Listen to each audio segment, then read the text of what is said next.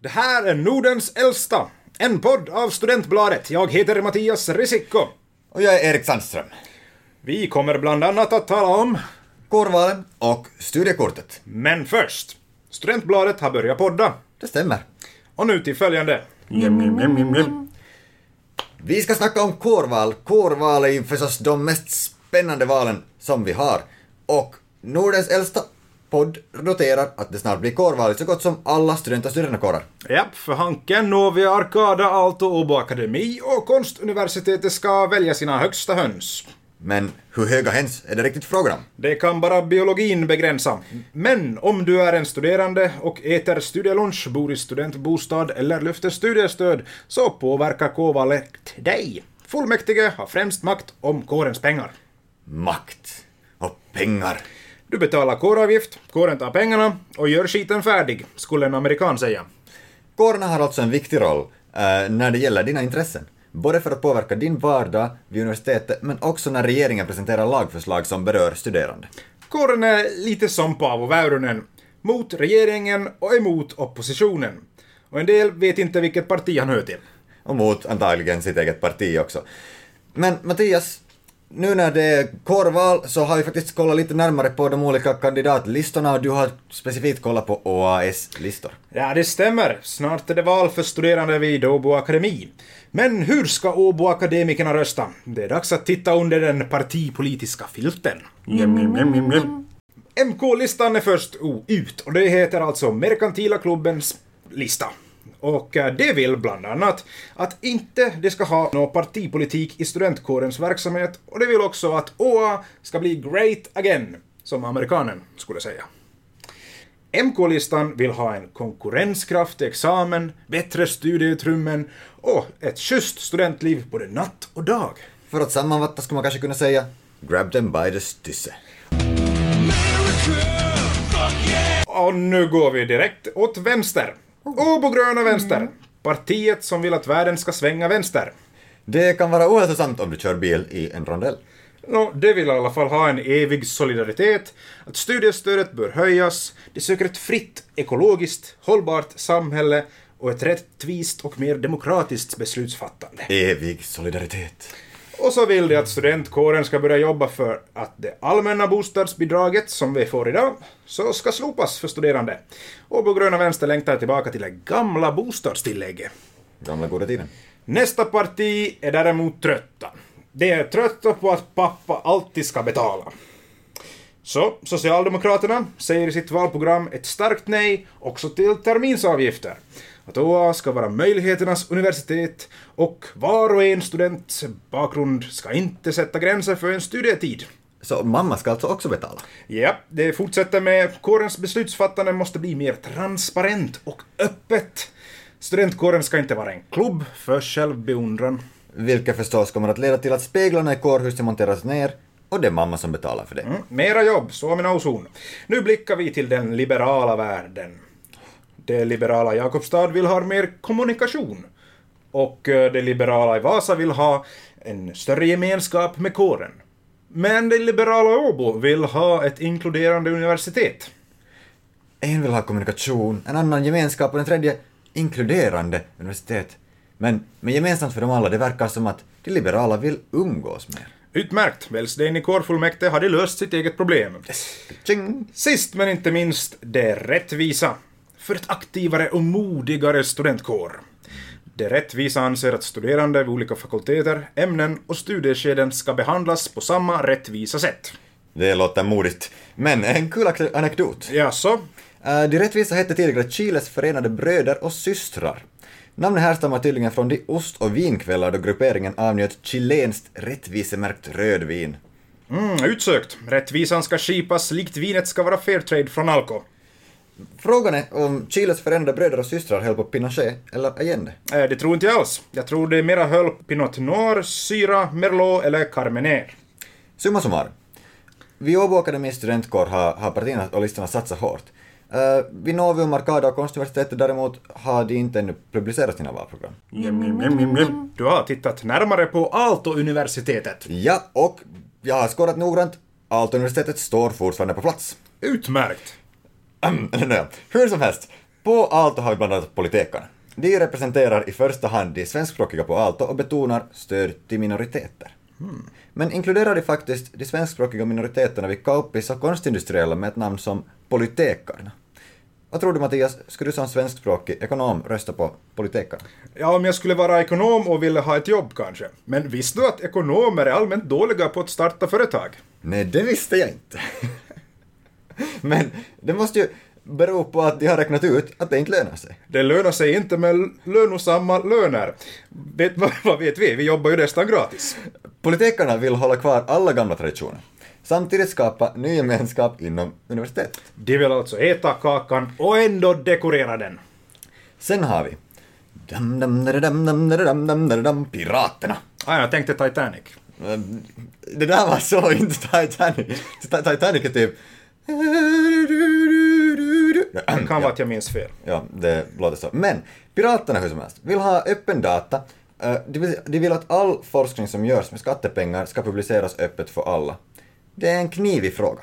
Ja, framförallt för att om de vetenskapliga publikationerna som eh, de har så de kostar ju mil- miljontals euro att beställa. Och det här summan är som är problemet för det bara år efter år ökar och till exempel vid Åbo Akademi så säger de att taket snart är nått. Men om, också om taket snart är nått så, om högskolorna i Finland skulle hoppa av systemet med, med vetenskapliga publikationer så skulle de förlora tillgång till mängder av forskning. Och det förlorar både studerande och forskare på. Ja, okej, men finns det något eh, parti till höger? Jo, på Aalto har vi äh, högern då, som betonar individen.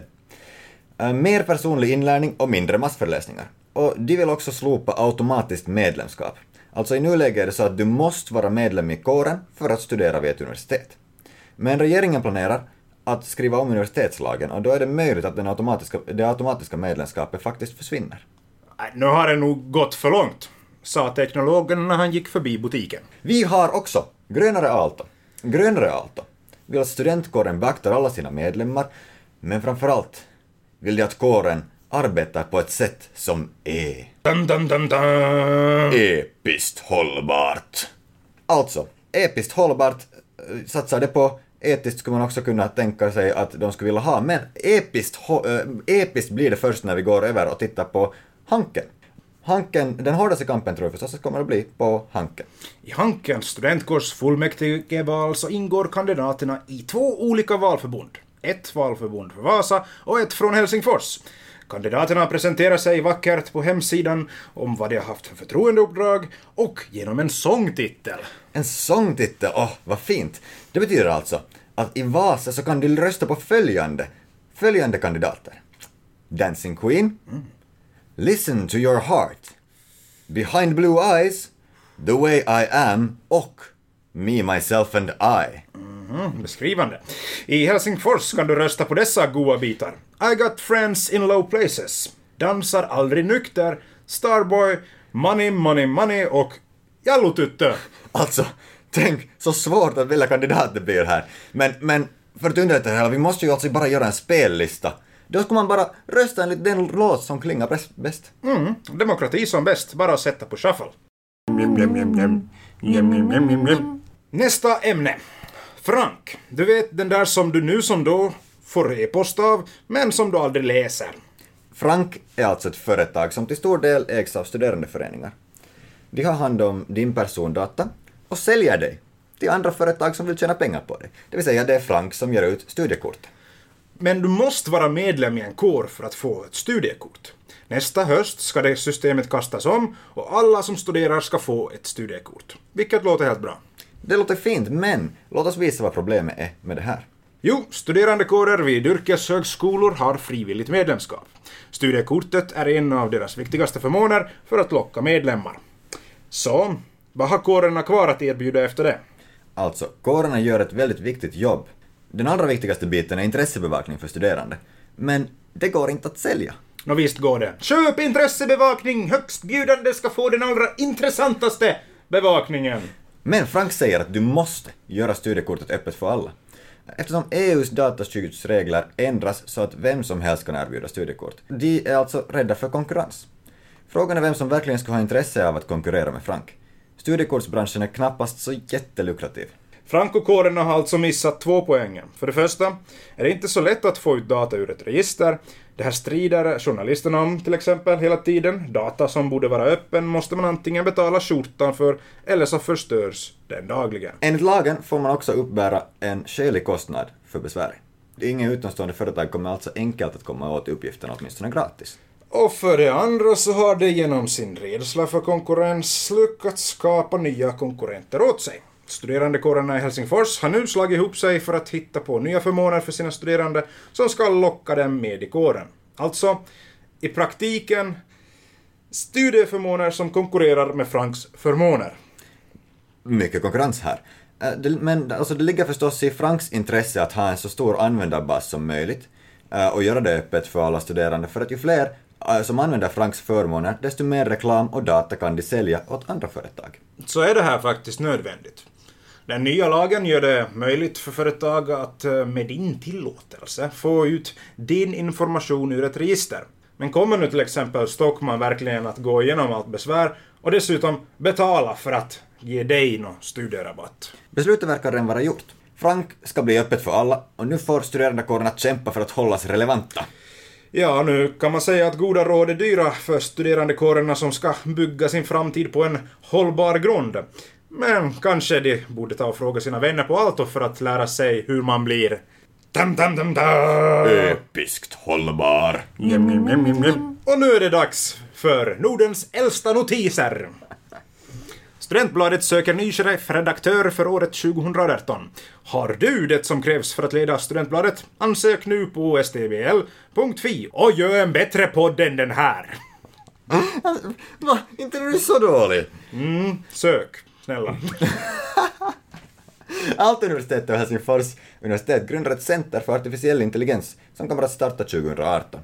Centrets mål är att göra Finland till ett toppland för hur man stöder artificiell intelligens, säger Petri Myllymäki på Aalto. Goda nyheter för robotarna. Ett bättre samhälle för robotarna, precis. Och sen har vi om bostad och stöd. En nyhet här. Ändringen i studerandes bostadsstöd har fått produktionen av ettor att skjuta i höjden. Det är krångligare att få stöd för att bo ihop och det lönar sig mer för studerande att bo i ettor än tillsammans. Nu satsar alltså byggföretagen på att bygga mer ettor på studieorterna.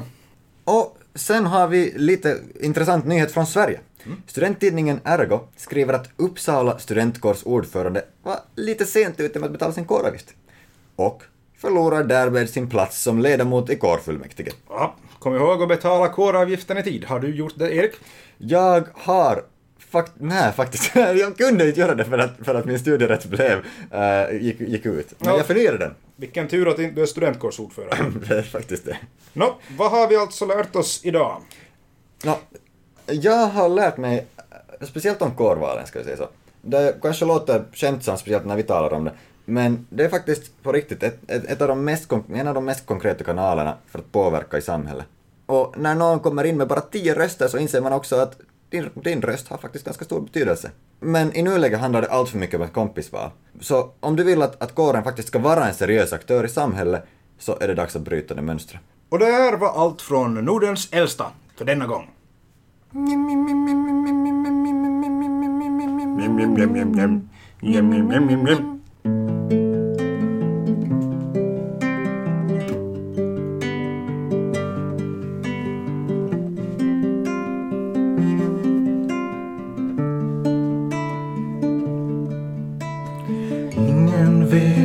Känns att vara en rik man. Att ha ett fint namn. Det är fittigt bra. Och ingen vet hur det känns nu när det höst är.